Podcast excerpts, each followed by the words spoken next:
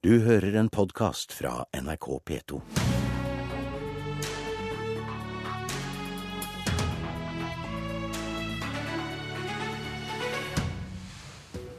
Det finnes dager pressen spør om en statsråd må gå, uten at det er grunnlag for det. Og det er nok dager Stortinget får en statsråd til å stå skolerett, uten at det er grunnlag for det heller. Men er dagen i dag en slik dag? Hovedpersonen er ikke her, som de fleste andre dager.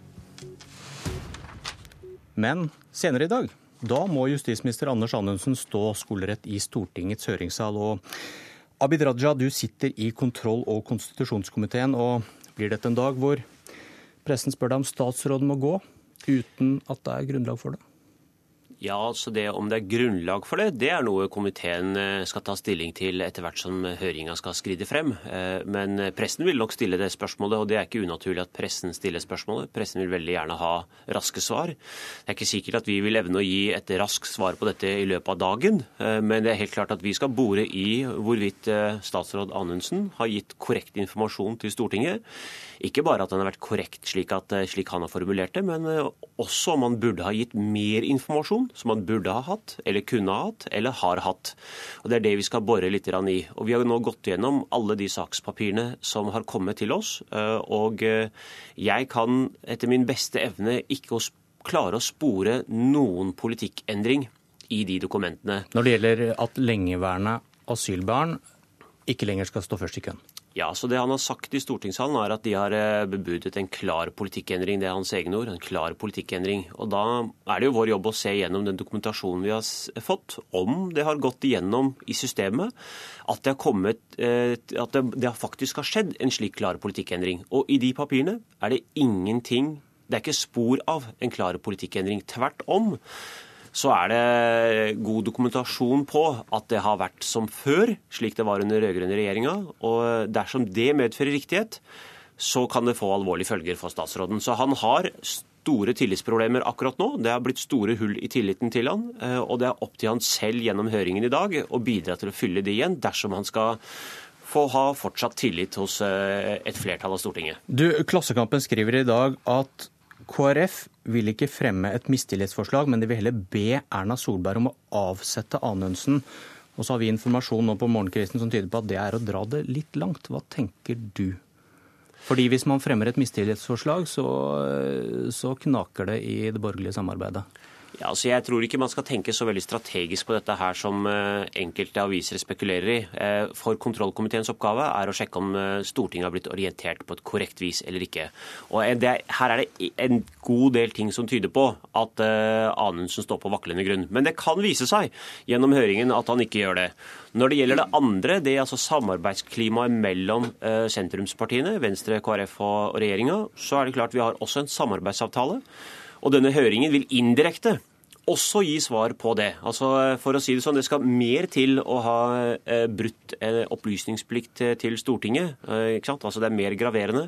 Men det kan tenkes at det er mindre atferd som skulle til for å bryte samarbeidsavtalen. Og Det er klart det, det er ikke noen heldig situasjon hvis en statsråd bevisst har brutt samarbeidsavtalen med de to partiene som man er avhengig av støtte til. Eh, men det er også for tidlig å konkludere. Så jeg, jeg, jeg jeg kan på nåværende tidspunkt verken si at dette går mot en mistillit, eller at vi ikke kan stole på han, eller at han har brutt samarbeidsavtalen, men jeg kan heller ikke utelukke det. Det må vi nesten få eh, gi statsråden muligheten til å svare på spørsmålet under høringen.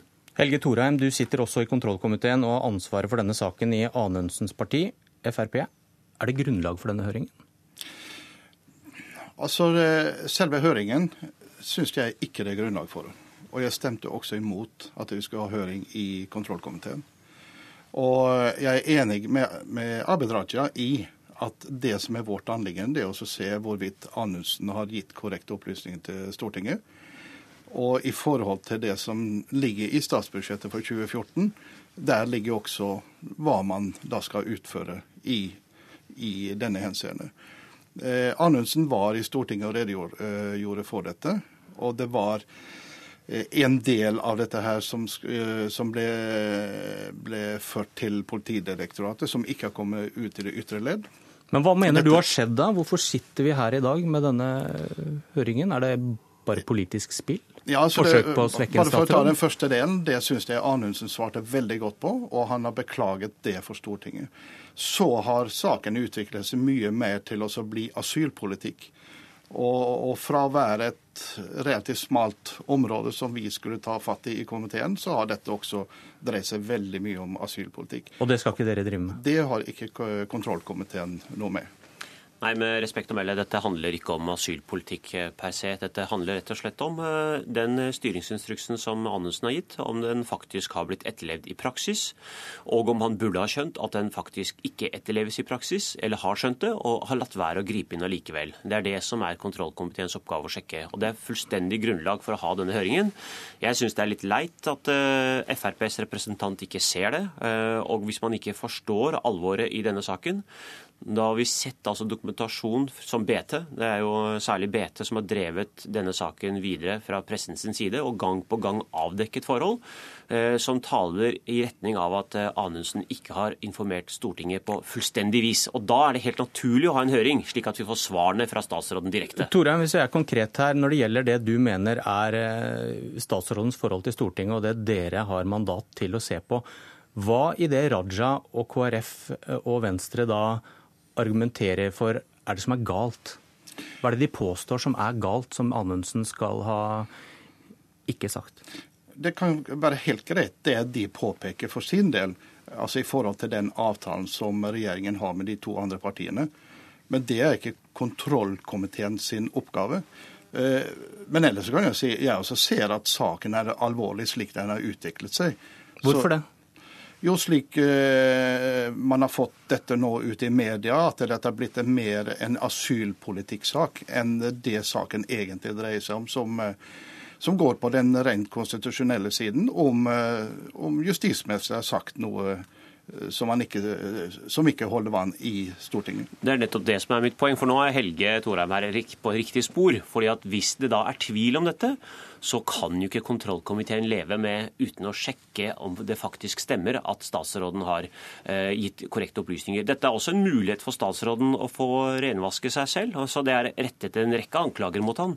Så han har nå en gyllen anledning til å eh, gjenopprette tilliten til seg selv. For det er faktisk slik at det er statsråden som er avhengig av ha tillit.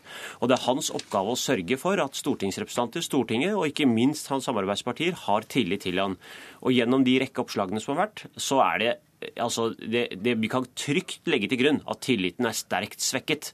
Eh, men Han kan allikevel gjenopprette denne, men det er opp til han selv å gjøre. og Det er det kontrollkomiteen gjennom høringen skal sjekke, om han har informert Stortinget på korrekt vis eller ikke. Og her har han en motbakke i dag. Det er veldig bra det Abid sier at han kan gjenopprette den tilliten gjennom høringen. og ser veldig frem til høringen, og, og jeg tror dette her eh, vil styrke vår justisminister. Ja eller nei, holder det med litt ydmykhet i dag? Nei, Ydmykhet i seg selv holder ikke. Men, eh, men, det er klart, eh, hvis man beklager sine egne feil, og ikke bare skylder på politidirektørens feil, så, så er det, det, det, er å foretrekke, hvis man selv har gjort noen feil, at man innrømmer sine egne feil også, ikke bare skylder nedover i systemet.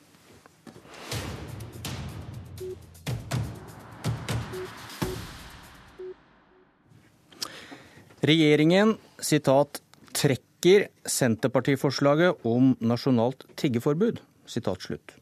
Et nå foreldreløst forslag om et forbud mot tigging ble skrotet i går. Det var smil og det var tårer.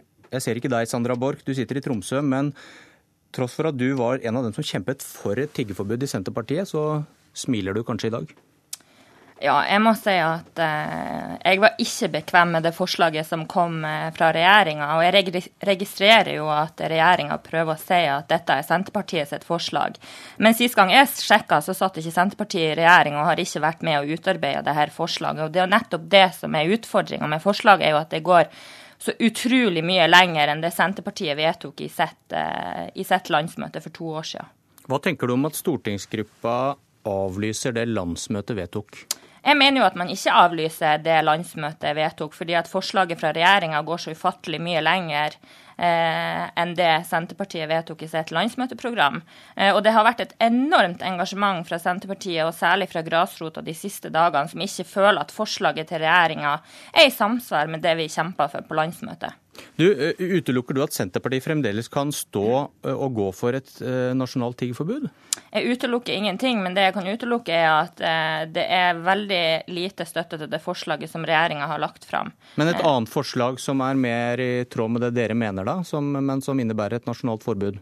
Jeg syns vi har kommet godt på vei med de lokale forbudene. Og så må vi ta en debatt på landsmøtet. Men eh, akkurat sånn som nå forslaget fra regjeringa ligger, så er det uaktuelt. Peter Frølich fra Høyre, hva tenker du om dette? Høyre lever veldig fint med det utfallet av saken som eh, har kommet nå.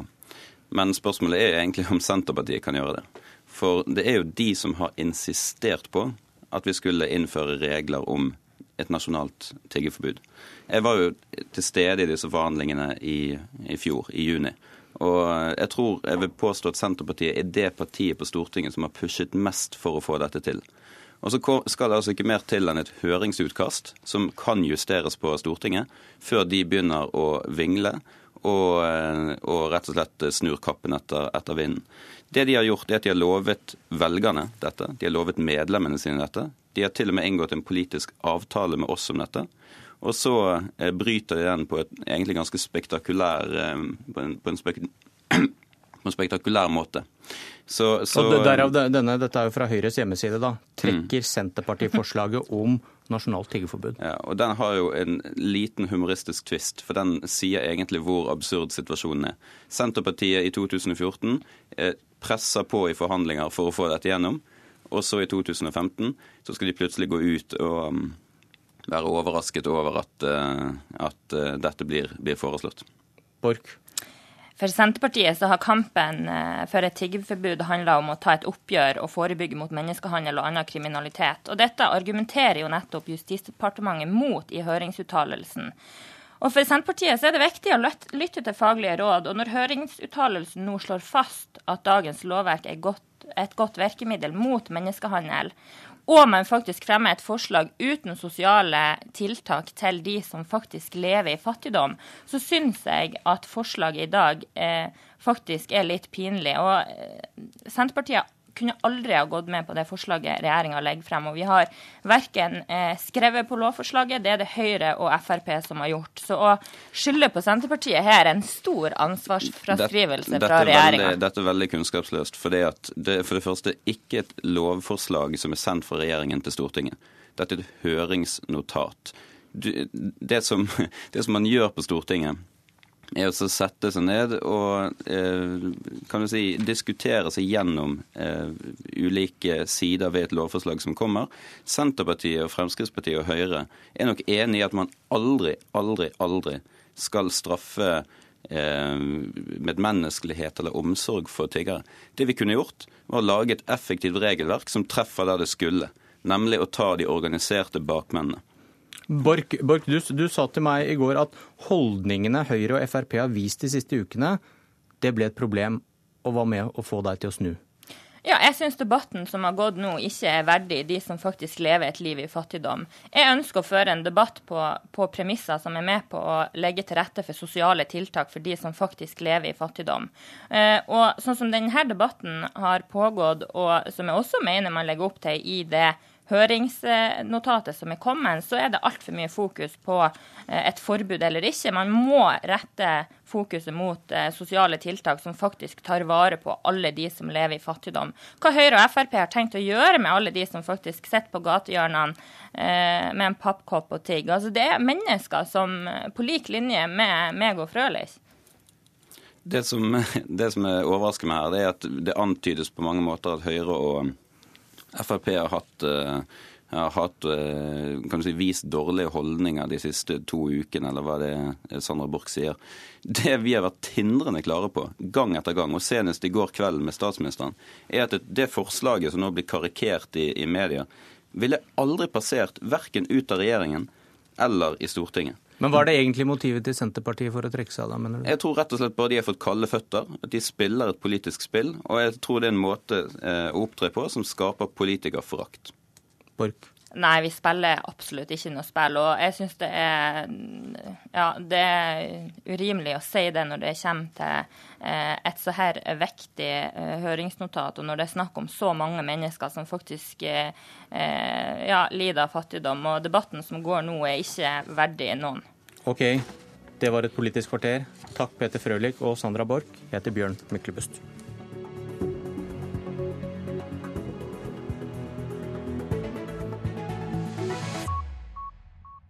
Du har hørt en podkast fra NRK P2.